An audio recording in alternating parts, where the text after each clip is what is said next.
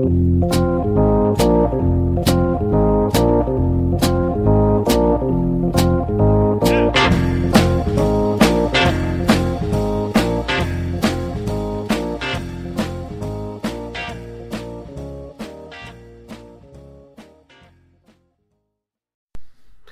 och välkomna till eh, Bröla Böla Podcast. Idag så gästas vi av eh, ingen mindre än Emilio Garro. Ingen mindre än. nej. Ingen mindre än. Precis. Mm, Ja. Tack. Hej. Och det var, det var rätt uttal ditt namn. Eh, ja. Mm, vad skönt. Eh, det är inte alla som klarar det kan jag meddela. Jag hade en eh, Min lärare i ettan gav upp efter halva och bara frågade Är det okej om jag kallar det för Emil? Och sen gick hon vidare med sitt liv. Så att det är inte Så var, så var förnamnet då? Ja, det är exakt. Emilio är inte alltid så lätt har jag hört. Varför inte det? Inte jag. Får fråga eh, Jag ska kanske inte namnge henne kommer på nu. Du får fråga henne Utan att ha hennes namn Nej men eh, absolut, det var helt rätt Grattis Vad skönt. Så välkommen hit. Tack, välkommen själv Ja, tack till eh, min lilla lägenhet här Precis, på Dammfri. Inte Dammfri. Vi kommer väl komma in på det antar jag Vad som är Absolut. vad och så vidare Men det är ju Absolut. tyvärr dammfri Åkte Ja. du buss hit och då fan kom du hit? Jag gick. Hade du åkt buss hit som en vanlig människa så Mm. hade du ehm, noterat att hållplatsen är Vänersborg. Ja, precis. Jo men det, det, är, det är jag väl medveten om. Men jag tog alltid den här bussen eh, för att byta borta vid Mellanheden. Så det var konstant liksom. Ja. Starkt. Absolut. Men välkommen hit då. Tack så mycket. Mm. Fullständigt namn? Eh, Emilio Raul Garro. Raul. Mm. Eller Raul, ja precis. Raul, ja precis. Raul eller Raul, det beror på vad man frågar. Är det Raul eller Raul egentligen? Alltså så här är det med det eh, faktiskt att eh, just nu är det egentligen Raul. För att min morfar heter Raul. Mhm. Men hela mitt liv har jag ju liksom gått runt och velat heta Raul, det vill säga då utan O. För de eh, som inte förstod det. Ehm, så. För, men sen så vill jag inte ändra för att min morfar då heter Raul med O. Och sen så insåg jag för inte så länge sedan att eh, min morfar har liksom gått runt hela sitt snart, ja nu 90-åriga liv och hetat Raul med bara U. Vadå rull? Ra, Raul, alltså utan O. Jaha, så att... Så jag har gått runt och inte ändrat mitt namn för att hedra honom och sen så har han gått runt och haft det namn som vill ändra till. Mhm. Mm, kan det vara. Så det är därför du heter... Ja det är, Raul. det är efter honom jag heter det, ja. Vad, vad, vad är han för människa då? Min morfar för människa, Ja, han vad, är, vad är morfar för människa? han eh, är en gammal tandläkare som eh, är uppväxt här i Malmö. Flyttade så fort han någonsin kunde tillsammans med sin eh, fru, det vill säga min mormor, som heter Gun, till Mora, Dalarna. Eh, när de, efter de hade träffats på tandvårdshögskolan här i Malmö. Och sen åkte han en jävla massa skidor i sitt liv. Så han har åkt över 30 Vasalopp bland annat. Måste vara någon form av rekord ju. Nej det är det verkligen inte men det finns 30 är en sån gyllene gräns för eh, då är man med i någon märklig elitistisk klubb tror jag. Så där är han med. Så han liksom polare, eller var polare med Nor- eh, Mora-Nisse och sånt. Ja, fan. Det är ett namn som kanske inte klingar svinhögt här men där uppe gör det kan jag meddela. Ja, och jag tänker Raul. Fast Raul. Jonsson. Raul Jonsson. Ja. Det är roligt det där med efternamn ju. För att jag är eh, även costacansk medborgare för min pappa är från Costa Rica. Eh, och där måste man ha två efternamn. Så att då har man sin pappa och sin mammas på pass och sådär. Så i Costa Rica så är mitt fullständiga, om vi hade suttit i Costa Rica och spelat in det här så hade mitt fullständiga namn varit Emilio Raul Garro Jonsson. Det låter ju lite som en korrespondent. Lite, lite grann. Tycker mer det låter som, ehm, ja nej, jo kanske. Om du vill. Jag tar gärna det. Ja men Em- Emilio Garro Jonsson. Det, det, är ju en, det är ju en korrespondent. Ja kanske. Var skulle jag vara liksom stationerad tror du? Ja men varför inte Centralamerika? Mm, fair enough. Ja, om, om vi nu ska gå så eller liksom Jag vet inte Mexico City Tijuana Ja, alltså om vi nu ska Att starkt om någon svensk, något svenskt mediebolag hade haft en korrespondent stationerad i Tijuana. Då hade svensk, eh, svensk journalist, eh, svensk journalistik mått bättre än vad ni gör idag. Kan man säga. Ja, vi kanske kommer in på det. Statusen av svensk journalistik idag. Om du vill. Det får vi ju se. Du kommer in på precis vad du vill att vi ska komma in på. Hur träffades dina föräldrar då? Det känns ju som en lite... Du vill vara Costa Rica? Nej, förlåt. Om jag vill vara Costa Rica Nej, alltså. alltså din pappa var från... Jaha. Eh, ja min pappa är från Costa Rica, det stämmer. Mm. Eh, jobbade i... Eh, eller pluggade, jobbade i USA, eh, oklart. Han var av en eller annan anledning i Stockholm för jobbresa. Och träffade mamma på hotellet man bodde på. För hon stod i receptionen där. Eh, och sen så gifte de sig inte så långt efter det. Och fick mig tre år efter de gifte sig kanske. Skilde sig sex år efter de fick mig. En kort men intensiv kärlekshistoria. Ja. Kan man säga. Min mamma är från Mora, Dalarna. Ja, precis. Men din morfar, du är i grund och botten ändå en... Ja, om, inte 50 så 50% skåning i alla fall. Ja, exakt. Det är ju, I alla ja. fall, i alla fall Alltså, återigen, vi återkommer till den skånska genetiken. Jag, vet inte om den existerar. Nej, det gör det Alltså det sjuka är ju att hela min släkt och mammas sida är ju verkligen liksom skåningar. Långt, långt tillbaka har jag fått reda på. Men, eh, så att jag är ju verkligen skåning i grunden. Men sen så är jag är ju själv född, det kanske kommer sen. Men jag, Ja. ska vi ta det nu då? Ja men eh, vi, eh, vi kan, vi kommer till det. Okej, så vi ja. tar... eh, om vi tar- Cliffhanger. Ja vi tar cliffhanger precis. Det kommer ju alldeles strax. Mm. Så hur gammal är du? Jag är 25 år. Ja, jag skulle, jag skulle säga att du är yngst hittills i podden. Det är ju mäktigt. Det är mäktigt. Också liksom förpliktigande på något vis. Känns som man måste liksom representera någon form av ung generation, vilket jag absolut inte bottnar i, känner jag. Nej, nej men du får vara en italist. Så att det finns ju ändå, Mm. det finns någonting att hänvisa till i alla fall. Mm, sant. Ja. Hur känns det att vara 25 då? Ja men alltså jag vet fan. Det är märkligt det där med ålder. eh, Har jag hört. Det, man känner ju aldrig sig som den åldern man är tänker jag. Eller jag har aldrig gjort det i alla fall. Har du känt dig som liksom den åldern du är?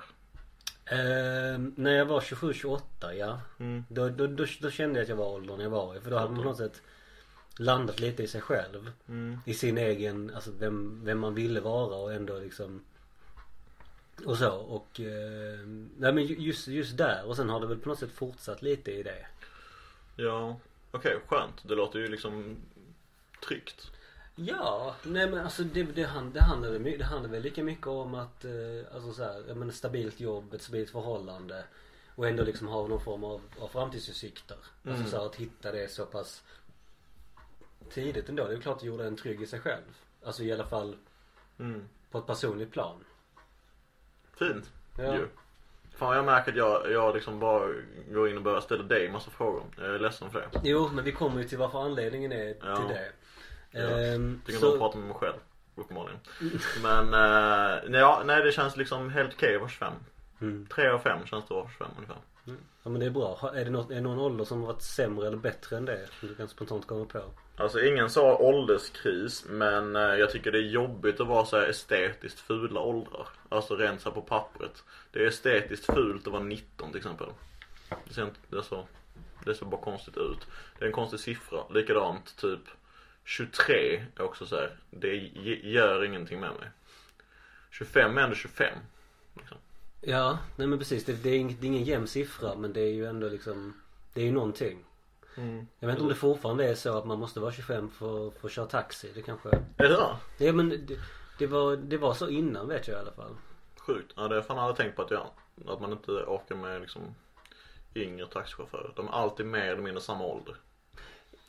Ja, ja, jo. Men, men typ så, ja.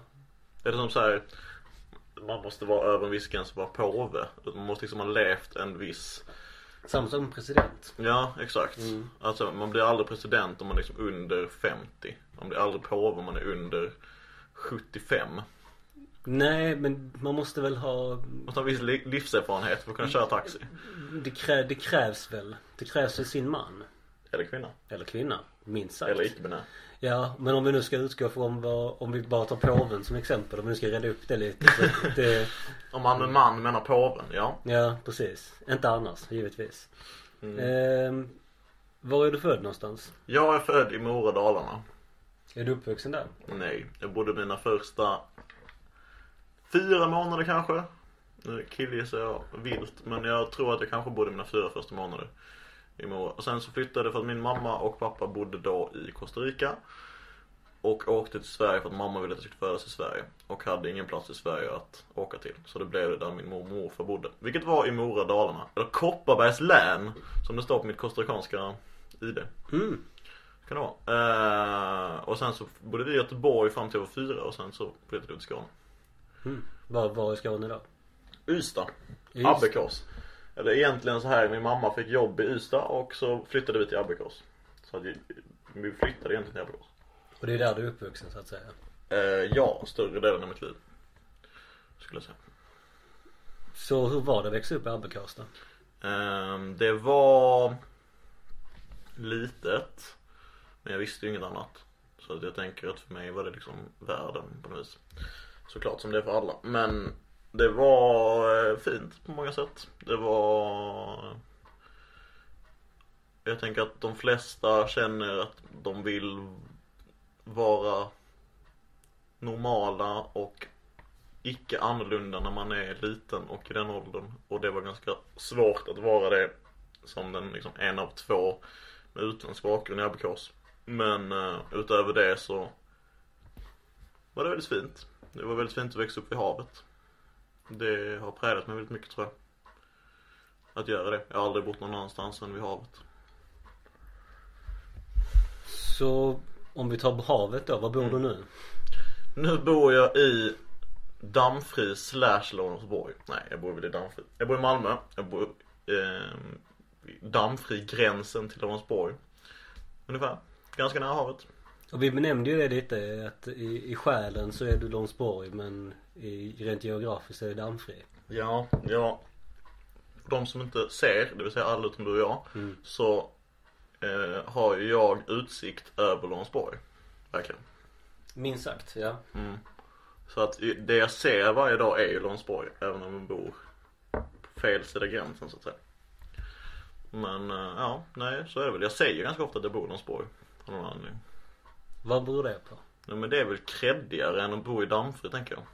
Alltså det är ju mer liksom, Är Långsborg kreddigt? ja men lite ändå. Eller såhär, pensionat är ju ändå härifrån. Ja, för, jag, för, för er som inte vet, eh, Paconate är väl i, i, i MFF-leden legendarisk vänsterback som, är verkligen en legendarisk vänsterback. ja, i, i det avseendet att han, det var liksom bland de lataste fotbollsspelarna jag någonsin sett. Mm. Men han, det var också en, en, en stor karaktär. Han gjorde verkligen precis det han var tvungen att göra och inte mycket mer. Det är ju väldigt älskvärt verkligen. Mm, ja men okej men om vi inte säger legendarisk och en av de mest älskvärda. Verkligen. Eh, ja, han är ju uppväxt ganska nära här. Har jag förstått. Men det var bra att du förklarade Pep Paconate, det är nog inte alla som vet. Nej, nej precis. Eh, I, Public service-aktigt av det. Precis, i sann journalistisk public service anda så tänker jag att jag berättar vem Paconate är. Mm, det gjorde du rätt i. Eh, så, ehm, vad är det du gör? Var, vad, vad, är det som rättfärdigar din medverkan i den här Bröla Böla Det är en podcast? jävla bra fråga faktiskt. Det kan ju vara att jag gick upp i division 3 med mitt fotbollslag här i helgen. Kan, kan vara, ja precis. Jag tror inte det är därför. Men ehm, annars så är det väl för att jag håller på och leker runt med en podcast som heter En stund över. Och utöver det så är jag student. Ja, Pluggar till journalist. och det är ju en, en del i det för att jag har ju faktiskt varit gäst i den Det har du i verkligen. den, i den eminenta, i den eminenta podden I den spe, 2 plus-podden. Som spelas in på Radio AF i Lund. Mm. Klassiskt, Klassisk mark, klassisk mark får man säga. får man ju ändå säga. Eh, så det är därför du, det är därför du är här. Ja, Eh, det som rättfärdigar det på något sätt. Man bjuder tillbaka. ja men fint ändå. Av Mm. dig. Eller av mig. Abs- absolut. Vem är det som gör vem en gentjänst? Ja, det, det, lär vi väl se. Det, det, Än så länge så är det du som är med i en tjänst nej, så.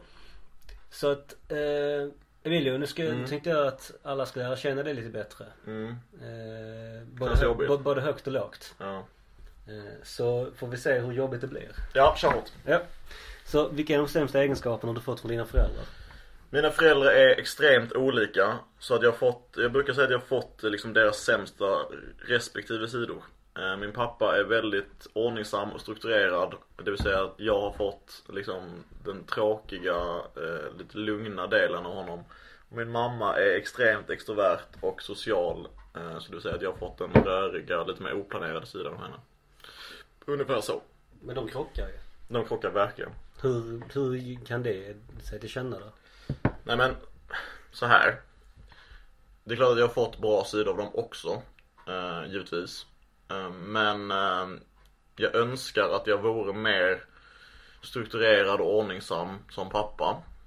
Och liksom bara valde en trygg och stabil plats i livet och jobba på ett kontor i 40 år. Ehm, det har jag ju uppenbarligen inte gjort. Och jag önskar kanske att jag var mer ehm, om mig och kring mig som mamma. Och det är jag inte heller riktigt. Liksom. Alltså det är, jag kan vara det, men det kräver ganska mycket av mig tror jag. Så du har fått bra egenskaper men på grund av att det inte går hela vägen så blir det inte så himla bra egenskaper? Ja, kanske. Oklart. Men sen alltså. Jag tror att den absolut sämsta sidan jag har fått är nog mammas eh, liksom rastlöshet tror jag. Att jag har liksom bott, jag tror jag har flyttat upp mot 30 gånger i mitt liv liksom. Med mamma och jag är 25. Eh, så att jag har flyttat väldigt mycket och det är ju både positivt och negativt. Det har gett mig en jävla rotlöshet. Som är skön. För att det är ganska smidigt att leva så. För att man liksom känner sig ganska lätt hemma, tillräckligt hemma åtminstone. Men det är också lite sorgligt att vara rotlös ju. Så det är ju en ganska dålig egenskap jag har fått.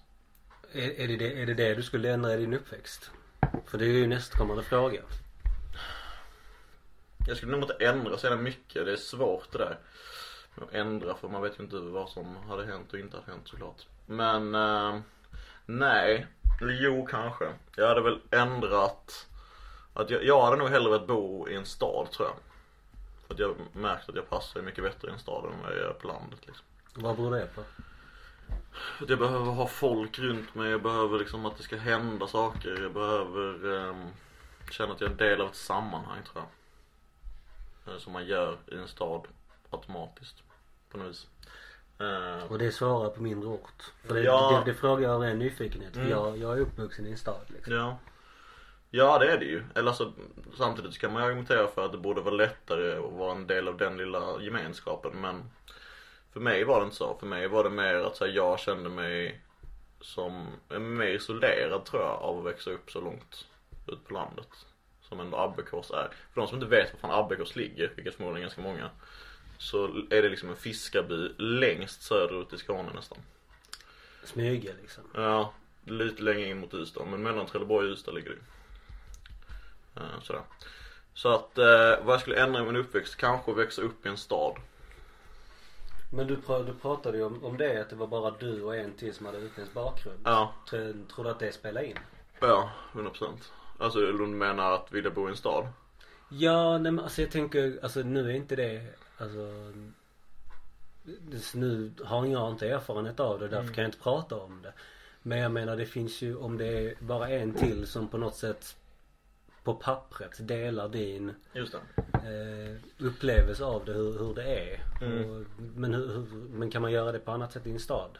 Det tror jag. Alltså det är ju verkligen, eh, när jag berättar de frågorna jag gör det om det. Så blir ju folk nästan lite chockade. Så här, men du är ju svensk typ. Och det hade ju varit om jag hade växt upp i Malmö till exempel. Alltså då hade ju varit, eftersom jag har en svensk mamma. Så hade det ju snarare varit svensk än liksom definierad av min pappas utländska sida. Tror jag. Beroende på i Malmö såklart. Men ehm, i en stad till exempel så tror jag att jag hade det för att jag hade liksom bara varit en i mängden. Så det tror jag absolut spelar roll i varför jag åtminstone som yngre ville växa upp i en stad. Att det blir mer Mm, påtagligt i en mindre ort. Ja, det blir det ju alltså per automatik eftersom liksom numerären är mindre. Och det, är, ing, och det är ingenting man kan göra någonting åt. Nej, Det, självklart det, inte. det är liksom Självklart faktum inte. kvarstår liksom. Men jag menar, nej exakt så är det ju. Men jag menar, ehm, det är ju ändå alltså Sånt tänker man ju inte på när man är liten. Då tänker man ju bara att varför kunde det inte vara så här istället typ. Om du förstår vad jag menar. Mm. Ja, visst. Så när känner du dig blyg? Jag tror jag, jag känner mig blyg Ganska sällan egentligen, tror jag. Men när folk ger mig komplimanger blir jag nog eh, blyg. Eller blyg, jag blir obekväm typ. Och det låter ju liksom extremt osympatiskt men jag blir nu inte. Jag tycker det är lite jobbigt. Eller jag vet inte vad jag ska svara bara. Nej men att man, att man är dålig på att ta emot positiv kritik. Ja, Det blir, exakt. och vad, och vad härstammar det ifrån? Ja, det är en bra fråga. Um, om jag ska göra någon typ av spontan hobbyanalys så antar jag att det har liksom en uppväxt i ett, eh, en lagidrott och någon typ av elitmiljö när jag spelade handboll som innebar att man um, hela tiden strävade efter att bli bättre och eh, utvecklas och allt det där. Så att det sitter så djupt i mig tror jag att liksom, jag kan liksom inte riktigt ta in om någon ger mig ett, en, ett positivt omdöme. Om någon säger att det där du gjorde var bra, den där texten du skrev var jättebra. Eller vad det nu är, den där podcasten eller den där, ja vad det nu är. Ehm, så har jag väldigt svårt att ta in det tror jag. För jag har ju spelat mycket lagidrott själv. Ja, Men i och med att jag var sån, ja, satans medelmåtta i det. ja, Så har snarare lagidrotten snarare varit en, en ångest för mig för man aldrig fick någon positiv feedback mm. på vad man gjorde. Och när det väl hände så kändes det som att det var ogenuint. Ja, men, ja, men lite så Är det, är det något som du kan, kan du känna igen dig i det? Ja, eller jag vet inte om det var ogenuint men jag, man upplevde det som ogenuint åtminstone tror jag. Eller jag gjorde det. Så jag håller med dig om det. Att det kändes som att ja fast det menar du egentligen inte. Du menar ju, du säger ju det bara för att du ska kunna säga det här. Liksom. Ja och jag menar om vi nu ska gå in på det, vilket jag tänker vi ska, så alltså Det har ju blivit aktuellt nu eh, med hockeyn och Mm. alltså den här, den här alltså toxic mas- masculinity i, eller alltså Mm. locker room, alltså talk. Den är oerhört problematisk och den är, den bryter ner väldigt många utan, utom de som på tidig stadie är alfa. Mm. Eh, och, det, det, sta- och det har ju lett till att man liksom, man har sånt Jag har ett sånt förakt Mm. för lagidrott. Och jag ställer mig väldigt frågande till eh, lagidrott som koncept. Att jag alltid utgår från att Ja men spelarna i Malmö FF om vi tar det som exempel. De är i grund och botten Alla är alfa, alla är dumma i huvudet. Just det Och- på något form av typ så här, liksom gallringstänk att de Mm, Precis. fattar. Att, att det liksom blir en Ja vad ska man säga? Att, att eh, man, jag utgår från det och sen om jag blir bevisad fel är det bara härligt. Just det. Men, men att de har inte kommit dit genom att vara så himla snälla och timida. Vilket jag hoppas det har varit. Men, Mm. men jag tror inte det. Så att, att, att, de, att de springer runt och jagar en boll. Det, nu låter det föraktfullt för jag älskar fotboll men att det är det de är bra på. Mm. Eh, Men jag tror inte jag hade gillat att ha dem som vänner. Nej. Nej det har du säkert en poäng i. Och jag menar jag spelade ju på någon typ av nivå fram till jag var 20. Och sen slutade jag. För att det liksom åt upp mig lite. Så att så är det ju, absolut. Och jag tror att eh, om man har kommit så långt som en elitspelare i Allsvenskan eh, till exempel är. Så tror jag också att de absolut flesta måste ha någon typ av eh, psykopatiskt drag åtminstone. Ehm, och hänsynslöshet och allt det där. Så att det, ja, jag tror, jag, jag har svårt att säga att det var fel i alla fall. Ja. Nej det, det är ju en, det är en hobbyanalys ska jag ju säga. Som allt Som allt. i den här podcasten kanske. Ja kanske. när, när var du arg senast? Oj, när jag var arg senast. Uh, jag är arg ganska ofta sådär stundvis, liksom i, i, i små doser. Uh, det är väl mitt latinamerikanska arv kanske, vad vet jag. Men ehm, jag var arg, ehm, men så arg på riktigt. Mm. Det är svårt. Samtidigt som jag sa att jag, jag blir arg ganska ofta så inser jag att jag blir nog genuint arg ganska sällan. Men jag blir, jag blev arg ehm, när eh, jag blev sparkad i höften förra helgen av en spelare i liksom, Klagshamn. Då blev jag väldigt arg. Såhär Johan Dahlin arg blev jag, jag är målvakt själv. Ja. jag såg mig själv väldigt mycket som Johan Dahlin i just den Det är, my- det är mycket MFF-referenser. Ja, det är det, förlåt. Och, och, och, den här, och den här Johan Dahlin blir Väldigt arg. Mm, det blir han verkligen. Mm, han, han, han, får sån här, han får den här blicken som är lite skrämmande. Ja, väldigt skrämmande. Och den tror jag att jag också kan få väldigt sällan. Men när jag väl får den så är det nog eh, lite ungefär så jag ser ut. Ehm, då blev jag arg. Men det gick också över väldigt snabbt. Ja, nej jag vet inte. Jag blir inte arg så ofta. Så har du någon favorithemsida? Kul fråga. Eh, har jag någon favorithemsida? Ja... Jag... Eh...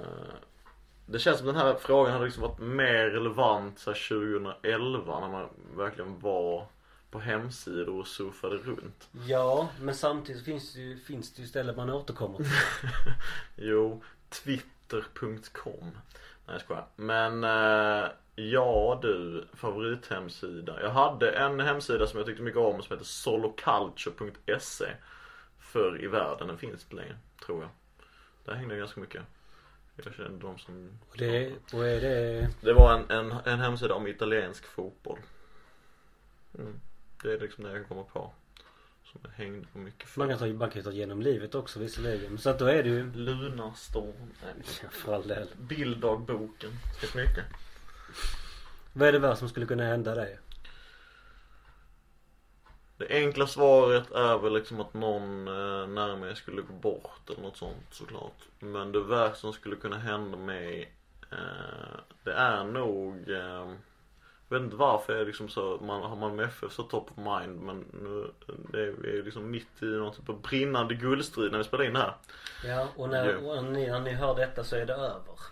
Så då, då, då, vet, då vet ni Då ni hur det har jag, gått. då vet ni om jag och Emilio är vansinnigt ledsna eller om vi på något sätt är Belåtna. belåtna.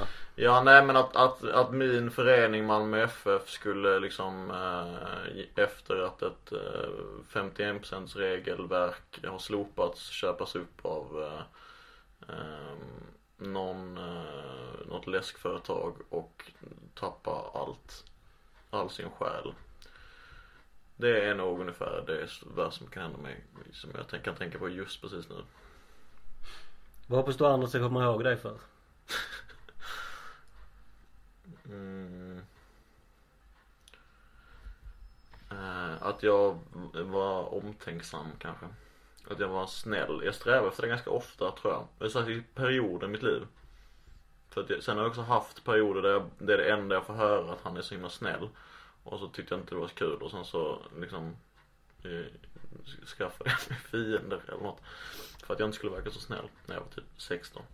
Eh, och sen så insåg jag att det var kanske en ganska bra grej att vara känd som en snäll person. Så att, att jag var snäll och omtänksam kanske. Det är ju en bra egenskap att vara snäll. Mm. Men eh, det, man, man försöker, eh, jag, jag, jag tycker om det, jag tycker om det Bamse-devisen. Den som, den, vad är det, vad är det nu? Den som är, den som är, den som är stark måste också vara snäll. Just det. Ja, Och den, och den devisen tycker jag man borde leva efter. ja verkligen. Jo det.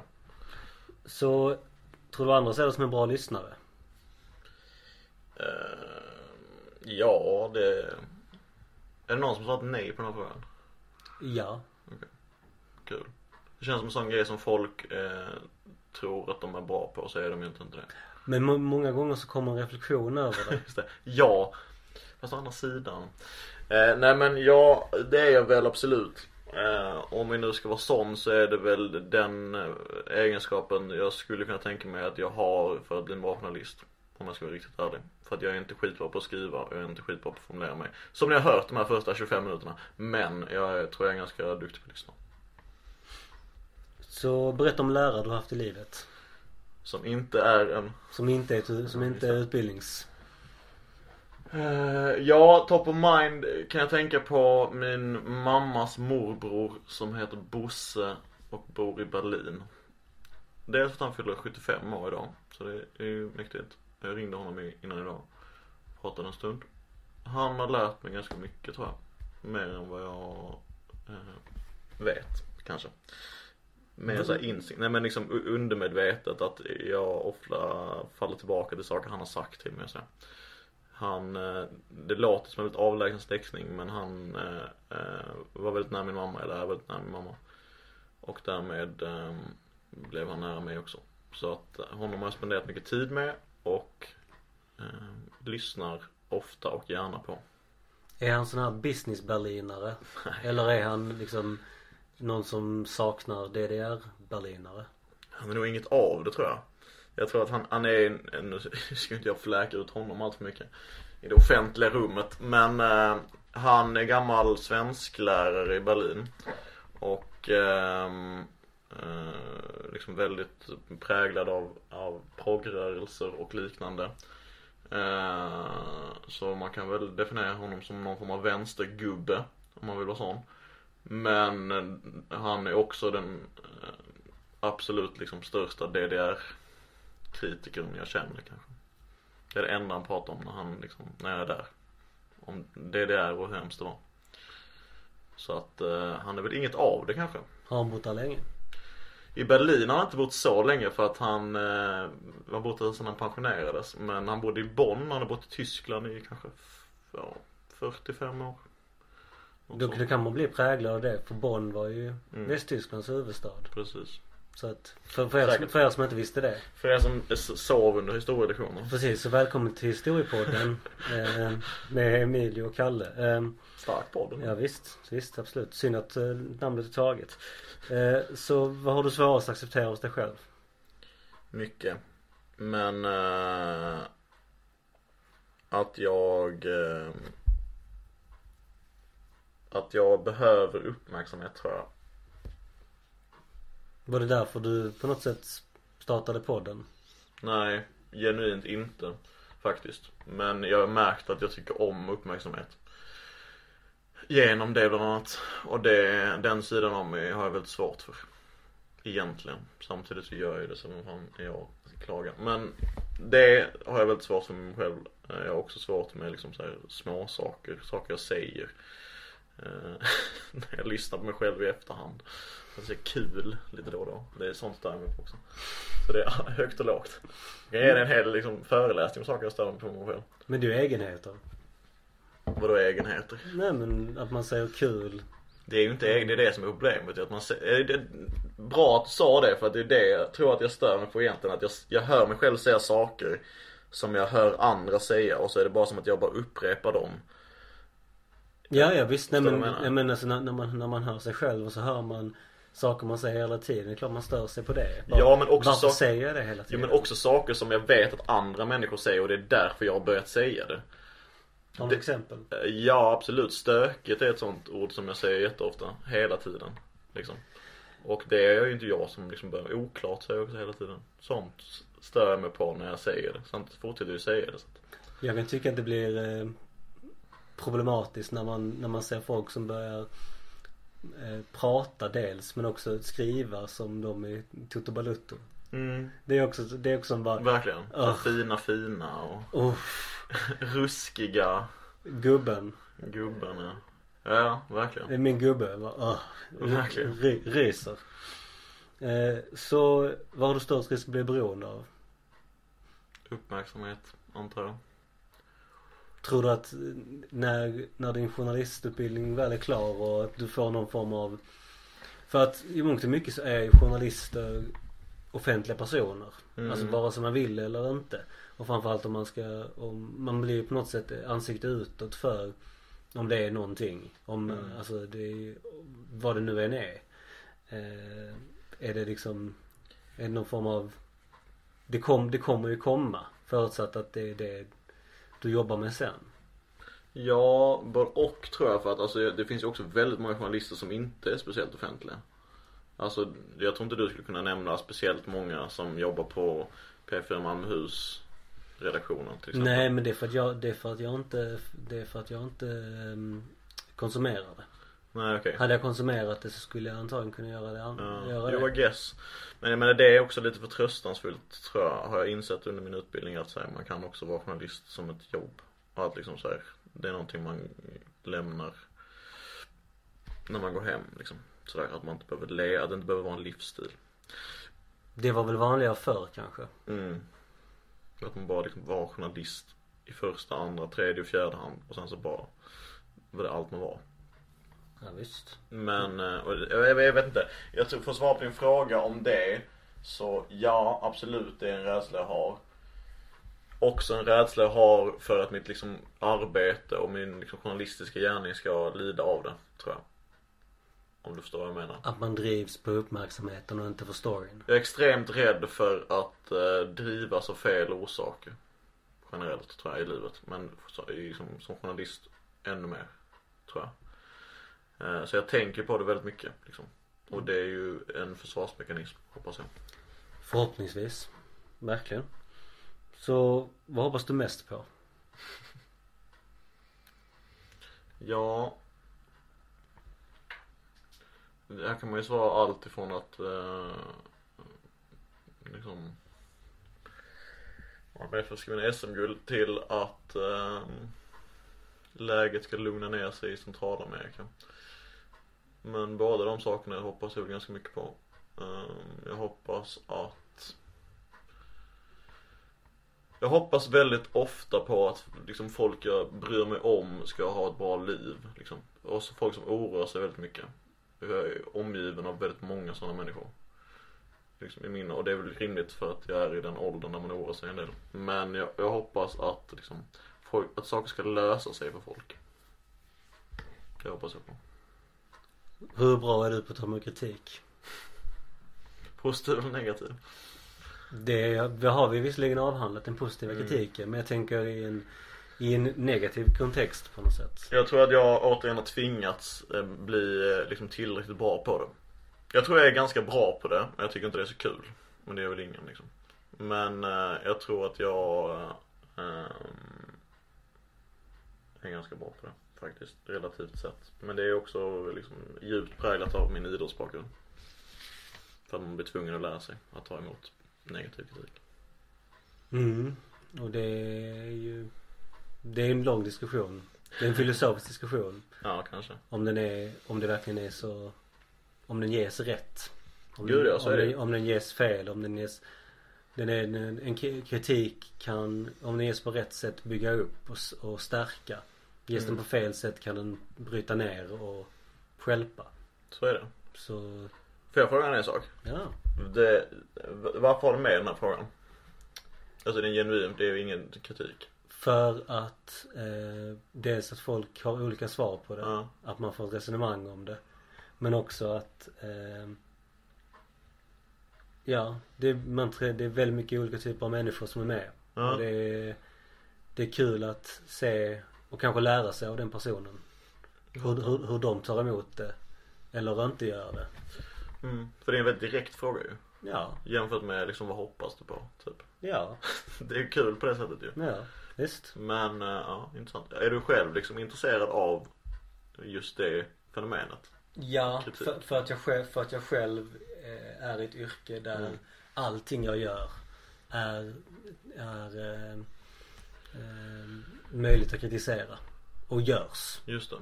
Så att eh, om, det så, om det så är från mottagaren eller om det är Mm. från, från arbetsledning eller vad det är så är det ett, ett, ett, ett område som är inte optimalt för att, eller som, som är optimerat för att kritisera Mm. om allt.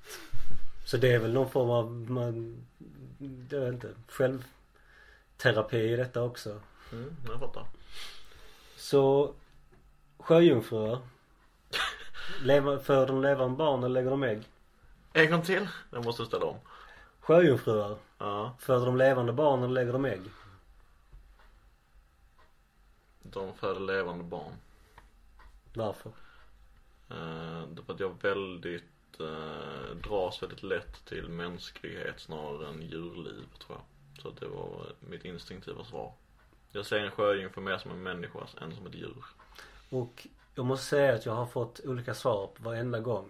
Så den här, den, den svaret är ju inte givet för att de finns inte. Kanske. Gör de inte? Nej, det, Nej. det låter, det låter osagt. Om det finns massa biffiga och massa smala människor eller halvmänniskor nere i, under vattnet. Det, det vet vi ju inte exakt men jag tror inte det. Mhm. Kul Så, fråga för övrigt. ja tack. Så om du fick resa tillbaka i tiden, vad hade du rest då? Då hade jag nog rest tillbaka till 70-talet för att det är liksom någonting som, eh, 70-80-talet, för det är någonting som min mamma har liksom romantiserat hela min uppväxt. Så att jag hade nog velat se mest om det var så romantiskt att stå på en, eh, en källare i Rågsved och kolla på Ebba Grön eller inte. Så, så inget specifikt ställe, bara mer liksom tidsperioden? Mm. Det var med det första som kom upp i mitt huvud. Om jag skulle ta ett specifikt ställe så hade jag nog eh, rest tillbaka till Latinamerika ungefär samma tid. 60-70-tal kanske snarare. Om du fick döpa om dig själv, vad skulle du döpa om dig till då? När jag var 10 hade svaret varit väldigt enkelt. Då hade jag, för det sa jag till och med när jag var 10. Då hade jag velat heta Mattias Andersson. Sa jag till min pappa. Eh, idag hade jag nog eh, velat heta Yxel Osmanowski. Ytterligare en MFF-referens här. Mm. Han var, han var första Zlatan innan Zlatan var Zlatan. Så kan man väl säga. Verkligen. Min första MFF-hjälte.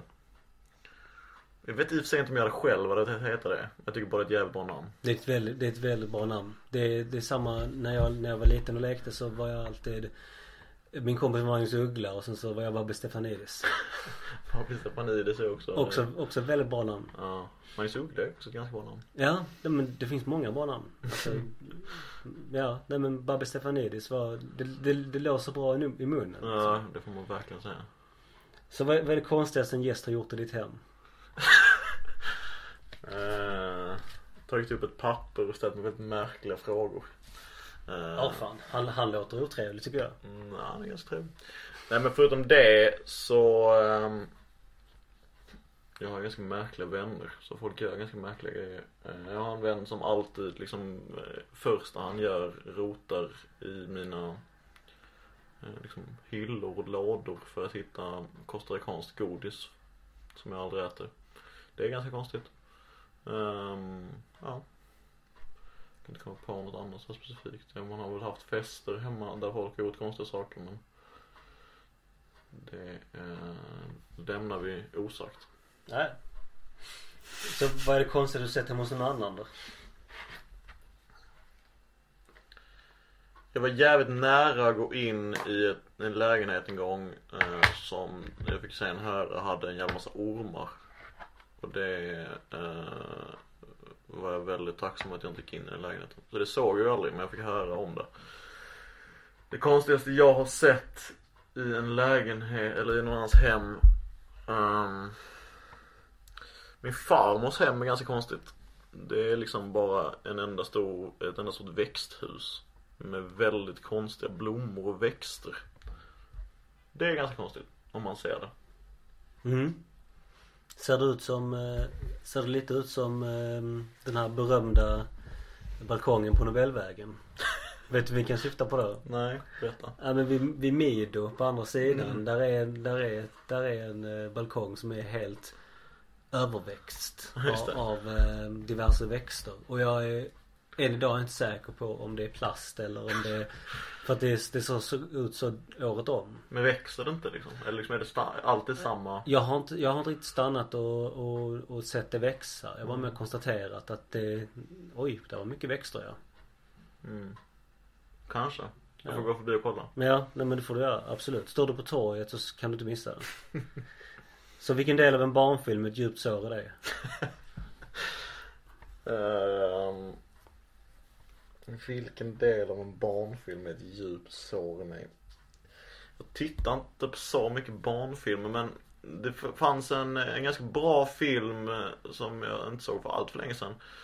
Eh, som handlar liksom om mental ohälsa. De sitter i ett eh, i, eh, så här, som ett kommandorum. En barnfilm? Ja det är en barnfilm. Den är tecknad. Eh, eh, ja.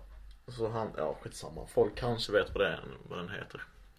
Jag vet inte. Men den eh, eh, tänker jag på ibland faktiskt. Men har du inför barndomen som du så här återkommer till? Nej, uppenbarligen inte. Kanske Kanske Aladdin. Varför det? Jag vet inte. Tyckte den var konstig, typ. Men jag såg inte. Nej okej, nej jo, nu vet jag. Scooby-Doo. Tyckte jag var läskigt. Det var, det var obehagligt med liksom eh, Det var Scooby-Doo som gjorde mig rädd för mörker i ett halvår innan jag omfamnade det sen. Alltså jag var väldigt rädd, jag var väldigt rädd som barn.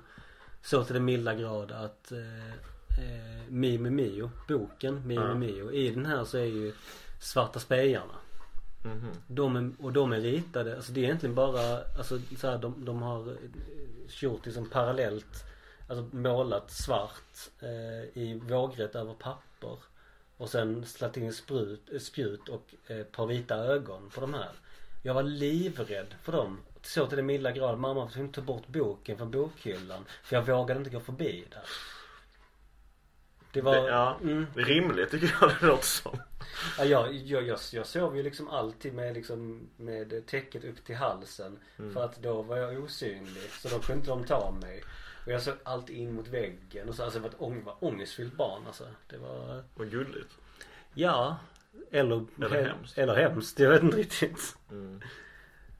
Så vilket brott är det störst risk att du begår? Ehm, vilket brott är det störst risk att jag begår? Om man tänker bort liksom sådana brott som man begår dagligen. Som typ går mot rött och sånt.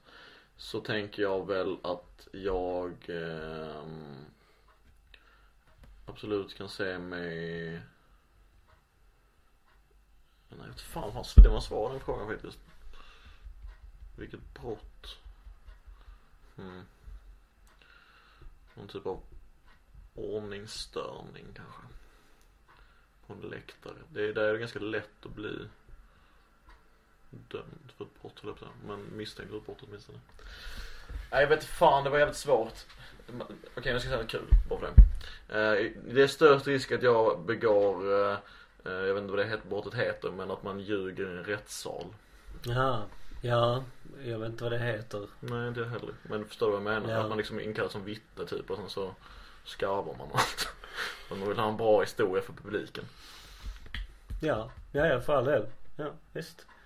Namn dina tre favoritalbum. Mm. Svårt. Jag kan nämna, okej. Eh, Kanye West, College Dropout. Ehm. nu säger jag tre album som har påverkat mig istället. För mina bästa, för det känns som det tar alldeles lång tid att tänka ut. Absolut. Stadium Arcadium, Red Hot Chili Peppers, uh, Alla vid till himlen, Timbuktu och The College Dropout, Kanye West. Och varför har de påverkat dig? Jag tror de, College Dropout är bara bra, rent liksom objektivt. Det är bara ett liksom sinnessjukt bra album. Ja. Oh ja. Ehm, och Stadium Arcadium och um, Alla vid till himmelen var nog mina ska säga, två första skivor. Så de lyssnade på extremt mycket liksom, i en väldigt formbar ålder. De kommer väl båda två runt så här 2004-2005 typ. Och då ja är jag det, det låter, 9-10. låter ungefär rätt. Mm. Mm. Jag minns väldigt tydligt att det är liksom mina två första album. Eh, som jag liksom så här köpte själv typ. Så att, eh, ja, så ungefär. Har du något guilty pleasure? Mm, klart jag har. Det har alla, väl. Men eh, vad kan det tänkas vara? Något som man, skä- något som man Ja. skäms lite för? Eh, Just det, ja men det du vet ju jag, vad det är. ja, exakt. jo men jag skäms ju lite över mitt fotbollsintresse. Men det är ingen guilty pleasure. Nej, för det är väldigt påtagligt. Mm, precis. Det är det enda jag liksom är ju. Men jag skäms ju, eh, jo men lite ändå skäms jag över liksom att jag, över att jag fortfarande så här, gör ganska nördiga grejer. Som liksom typ kollar på fotbolls, eh, alltså snör in mig så fotbollsprogram, eh, alltså samtalsprogram om fotboll.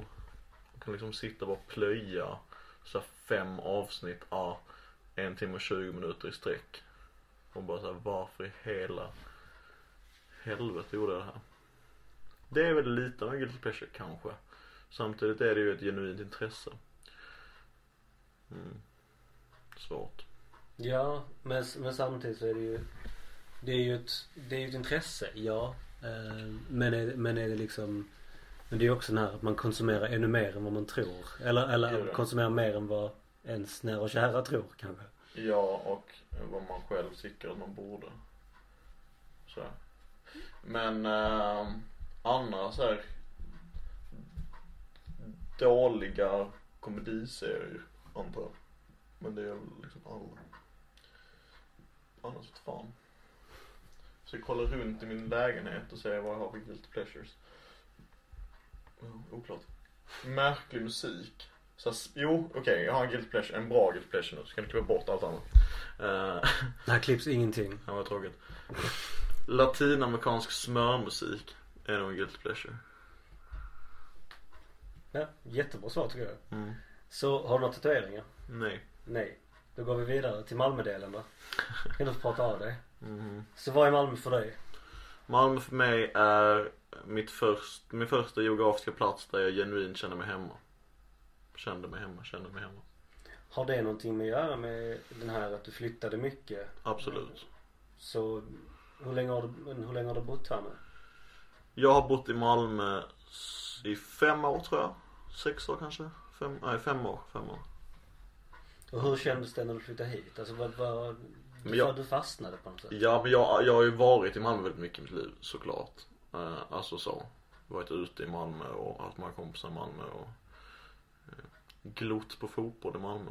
Och så vidare och så vidare. Men jag kände väl eh, att det här var en plats där jag bara kunde vara mig själv låter ju lökigt men lite ändå för att jag, då hade jag bott i Ystad ganska länge och Ystad är en plats där man förväntas upprätthålla någon typ av fasad som jag var väldigt trött på. Så det var väldigt skönt att bara släppa det och bara liksom vara när jag kom till Malmö. Vad innebär den fasaden då? Men det, dels var jag handbollsspelare och dels så var jag liksom i den åldern också antar jag där man bara går runt och försöker liksom vara en tuffare version av sig själv liksom. Um, men för mig är Ystad väldigt mycket det. En handbollscentrerad och um, väldigt liten stad rent geografiskt men också liksom känslomässigt på något vis. Så vad tycker du representerar Malmö? Jag tycker att mm, Svårt för att olika saker representerar olika delar av Malmö för mig. Ehm, plan B representerar Malmö på ett sätt. Oklart vad. Men lite tror jag att plan B representerar Malmö för mig för att det var liksom den här svartklubben som var folklig och sen liksom gjordes till en riktig klubb och fortfarande är, är bra och charmig men eh, lite tror att den är någonting mer än vad den är. Den tror fortfarande den är vad den har varit. Lite så ja, exakt. Att den, eller också den här jävla Scandwich, nu ska jag inte liksom ge dem dålig reklam. Som liksom bara då hängde på, eller fanns på mitt Möllan. Vad kostade 79 spänn för en macka eller något, 89 kanske. Och sen flyttade ut och numera kostar typ 119. Eller något för en macka. Det är också en sån gentrifieringsprocess. Som är lite, just nu, min sinnebild av Malmö. Tyvärr. Men som man ändå liksom älskar djupt. Och som man återkommer till. Om en vän till dig besöker Malmö för första gången, vad gör du Mm. med den personen då? Det beror väl på är det tråkiga svaret. Men Ja, och det är däremot återkommande. Däremot Ja. så får man väl Då, då blir den naturliga följdfrågan bara så här, bort, bort, eller snarare Mm. så här, bortse från vilken Såklart. årstid det är. Utan bara vad skulle du göra? Men gen, mitt genuina svar är väl att ta dem till någon park liksom. För det eh, tycker jag är en bra start. Att liksom gå till Slottsparken kanske. Och göra vad då?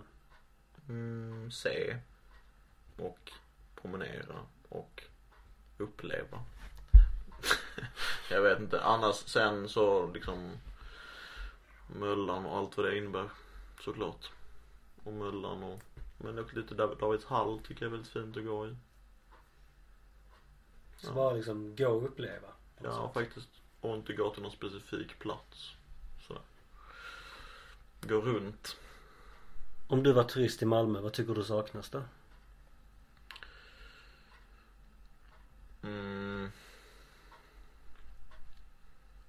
Det är ju så svårt att svara på för att man är, de, det är verkligen ett liksom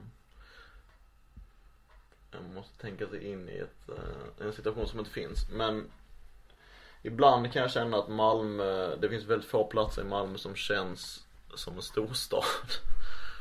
Eh, det finns en plats av någon anledning och det är runt SVT-huset där, där tycker jag att det känns som en storstad. Typ i Dockan men det är ju också, hade det varit mer än en storstad så hade jag inte tyckt det var lika fint. Eller lika mysigt liksom. Ja, jag vet inte men det är väl typ det. Så någonting som ger mer storstadskänsla? Ja, och så vad skulle det vara då? Oklart. Men förstår du vad jag menar? Ja, jo, delvis. Lite, ibland kan jag sakna lite puls i Malmö. Och det finns ju på vissa ställen. Men det är liksom lite konstruerad puls ibland. Och väldigt specifik puls på vissa specifika ställen. Typ Möllan och så vidare. Är den konstruerad tycker du? Nej inte just Möllan men andra ställen. Men den är väldigt konstruerad var fel ord men eh, centrerad då. Alltså specificerad till ett visst ställe liksom. En liten geografisk plats? Precis, exakt. Och så går man liksom ett kvarter bort och sen så är det inte en jävla människa. Typ. Så att egentligen skulle du vilja ha ett helt Ett helt Möllan, det hade varit olidligt också Men ja, kanske fler. Fler, okej okay, det, det svarar jag istället. Fler um, platser att uh, bygga runt. Alltså bygga en miljö och bygga en um, känsla runt. Om du förstår vad jag menar. mm. Du ser skeptisk ut. Ja, men samtidigt så, jag tänker att det byggs ju hela tiden. Ja, alltså by, bygga var ju ett fel ord för jag vill inte att det ska byggas en massa. Men mer bara så här. Just nu upplever jag att Malmö är väldigt så här, antingen så är det Möllan eller så är det Lilla Torg och sen så finns det liksom periferiska områden runt omkring.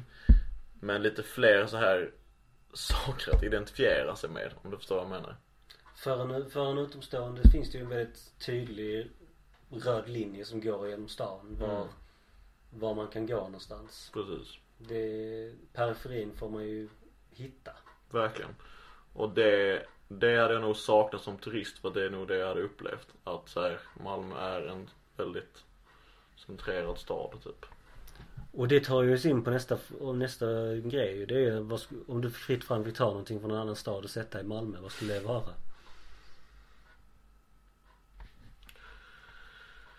Uh, Slottsträdgården i Göteborg kanske. Pildammsparken är ju lik men det händer ju inte så jävla mycket i Pildammsparken. Mm, nej, det är ju Big Slap. Precis och det är helt värdelöst. Så att Slottsträdgården i Göteborg kanske. Har du någon favoritställe i stan? Mm. Det är klart. Um, så var det väl ett. Av någon anledning så har jag eh, liksom börjat omfamna Blå kiosken här i, här, här förbi. Ner mot Dammfri. Som ligger, vet du vad? Vet du vad jag menar? Mm, då är det. Det är en underskattad falafel. Mm. Men nej, alltså herregud. Det... Um, vi pratade om Slottsparken innan. Slottsparken är en väldigt stor favoritdel för mig. För att jag bodde, det var dit jag flyttade, alltså där omkring jag flyttade när jag flytt, först flyttade till Malmö. Uh, så jag har spenderat väldigt mycket tid i Slottsparken. Så jag känner mig alltid uh, väldigt hemma i Slottsparken. Uh, och mer specifikt när liksom Slottsparken går över till Kung Oscars väg.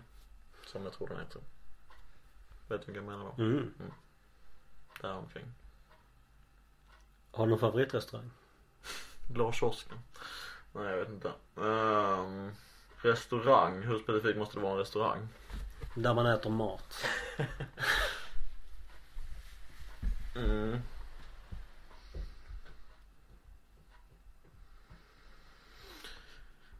Via Napoli kanske?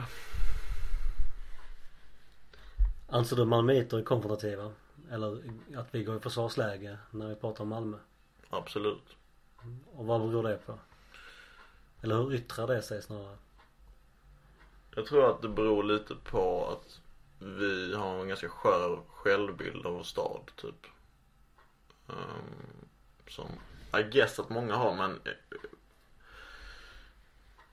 vi känner väl oss missförstådda. Tror jag. Uh, och väldigt förr i tiden åtminstone isolerade från resten av vårt avlånga land.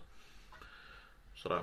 Så att jag tror att det gör att vi hela tiden vill bevisa att Malmö är någonting speciellt, någonting unikt. Det behöver inte alltid vara liksom att vi vill bevisa att det är den vackraste staden eller den bästa staden. Men att det är liksom det här, så här är det bara i Malmö och så vidare. Behövs det?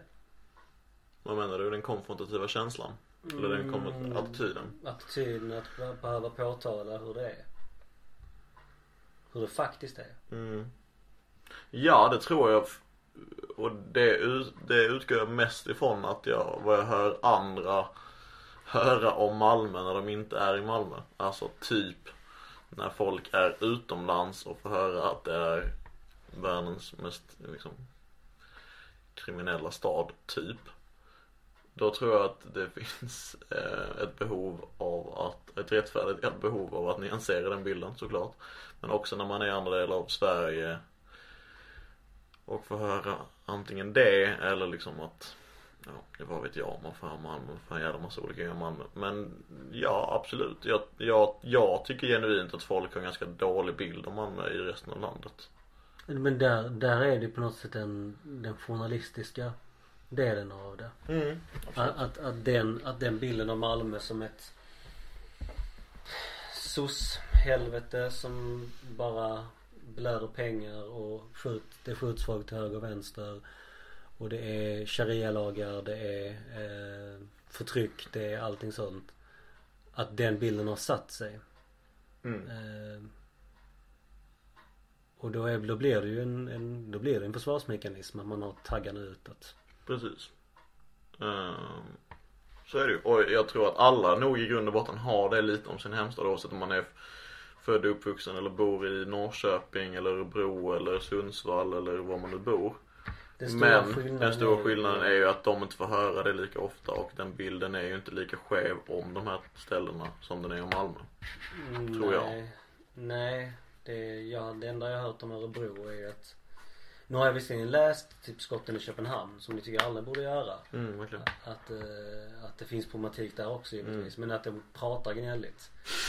Det menar den, vi är ju förbi att vi skåningar pratar grötigt. Mm. Liksom. Exakt, verkligen. Sen länge. Gud ja. Men vad, vad tycker du själv då? Jo, men det är också för att jag själv är en sån person som hugger på precis allt. Mm. Att jag vill rätta. Men är du konflikt, alltså är du liksom konfliktsökande? Eh, om jag någon gång är ett internettroll så är det i samband med det. Mm. Men bara på internet, inte liksom i sociala nej, sammanhang? Nej, i sociala sammanhang också. Ja. Men så är jag med mitt arbete och sånt också. Mm. För, för, jag tycker, alltså så här, det, det kan låta lite oskönt men jag tycker verkligen att folk ska eh, man, behöver, man behöver inte älska det. Man, man behöver inte tycka om det men du ska vara, du ska ha rätt. Du ska förstå. Du, du, du, ska, du ska ha rätt anledning eller mm. snarare så att du ska ha rätt information mm. när, du, när du tar, när du ställer din eller när du har din fasta åsikt. Alltså det går väl att jämföra med liksom med, med vaccinet också på något sätt att mm. jag, har, jag har all respekt för de som inte vill ta det för de är rädda för det.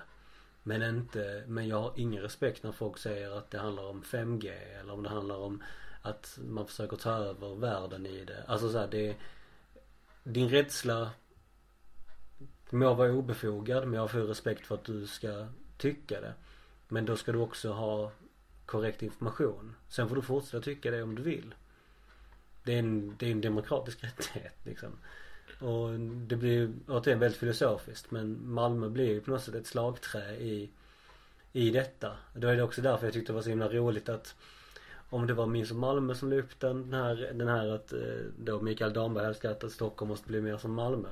Mm. Och det var det bara så här, eh, nej tack. Det var liksom, det, så det finns ju den, det finns ju den aspekten i det också. Att vi vill inte vara som resten av Sverige och i synnerhet inte Stockholm.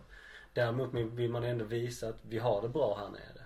Så att Jo. För, frågan är ju tudelad i det. Jag tror, jag tror inte någon hade velat att någon kommer hit och gör en total och bara massakrerar vad Malmö är.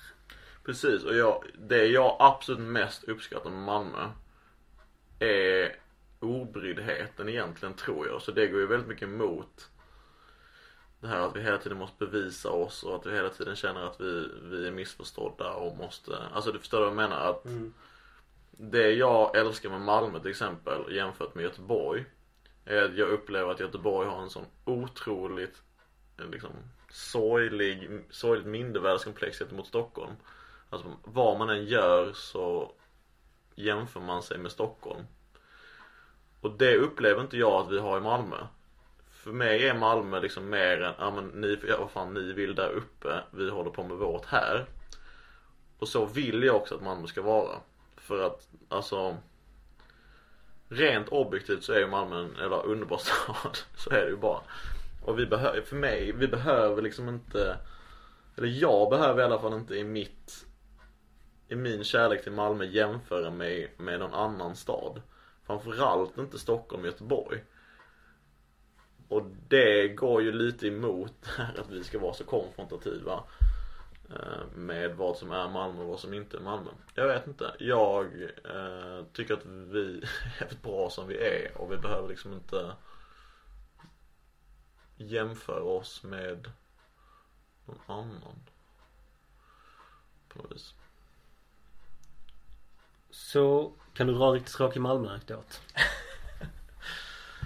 Åh, kan jag dra en riktigt tråkig Malmö-anekdot?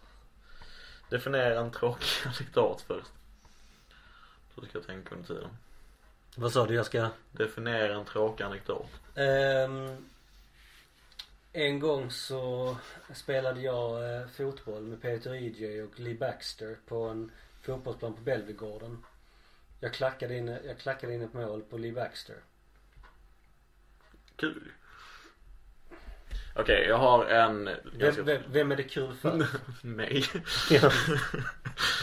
Oj, så Småski. Um, Okej, jag har en tråkig Malmö-anekdot. När jag var ehm, åtta kanske så åkte jag in till, nej 9 måste vara varit, nio, tio. Eh, så åkte jag in till eh, Malmö, till Folkets Park. För där satt Malmö FF, delar av Malmö FFs A-trupp. För här, herrlagets A-trupp. Eh, och skrev autografer, som de gjorde ganska ofta då. Bland annat Peter DJ. Eh, nej det kan han inte ha gjort, det var tidigare. Skitsamma! Ola Toivonen satt där i alla fall. Bland annat. Uh, och Joakim Nilsson om folk kommer ihåg. Det är många som inte gör. Det är en smal Det- referens. Ja visst. Ja, i alla fall. Joakim Nilsson satt där, Jonas Sankvist satt där och um, Ola Toivonen satt där. Detta måste vara typ 2008 kanske, 2007. Eh, och så eh, tyckte jag att jag var fräck och stod och trixade. Och så sa Ola Toivonen till mig då. Vill du lära dig något coolt? Och så sa jag ja. Och sen så lärde han mig att lägga upp bollen på nacken. Om du förstår eh, Mm, kan du förklara för dina lyssnare, vad gör, hur gör man när man lägger upp en boll på nacken? Man, eh, man trixar, alltså bara lägger man upp bollen så, så kör man den över huvudet och så lägger man den i nacken. Så den enkelt. vilar Så där. den vilar där. Mm. Eh, det lärde Ola Toivonen mig en, eh, en ganska varm dag i augusti 2007 säger vi att det var nu. Eh, I Folkets Park. Det är en ganska tråkig Malmö-anekdot. Ja men det är det. Det är det. Det var, det var en fantastisk tråkig Malmö-anekdot. Mm. Eh, berätta en fyllehistoria från Malmö. Självupplevd eller med en kompis. Eller av en kompis. Jag- har en väldigt bra fyllanekdot som jag ska berätta för dig sen efter du trycker på Ah, Okej. Stopp. Okej. okej. Som jag inte ska outa. Men eh, ja du, vad kan det tänkas vara? Um, jag, ställ frågan igen så ska jag Berätta en fyllehistoria från Malmö. Okej det, behöver, det behöver inte vara en rolig fyllehistoria. Bra. Ehm, jag klev in Jag kan berätta om historien när jag insåg att jag var för gammal för att gå på KB. Mm. Eh, Den känslan vi alla har haft. Ja. Yes. Eh, Då var jag ute med en vän som heter Fredrik eh, och eh, vi hade varit någonstans som jag inte kommer ihåg var och eh, skulle dra vidare och eh, så var vi där med en annan kompis som hade nere en polare från Göteborg. Som för övrigt var Gais, eller liksom stor gaisare. Uh, eh, liksom någon av deras ledande ultras. I alla fall. Uh, vi står i kön till KB en jävla lång stund. Um, och när vi väl kommer fram så visar det sig att den här kompisen från Göteborg har glömt sitt ID. I Göteborg. Eller bara låtit bli att ta med det.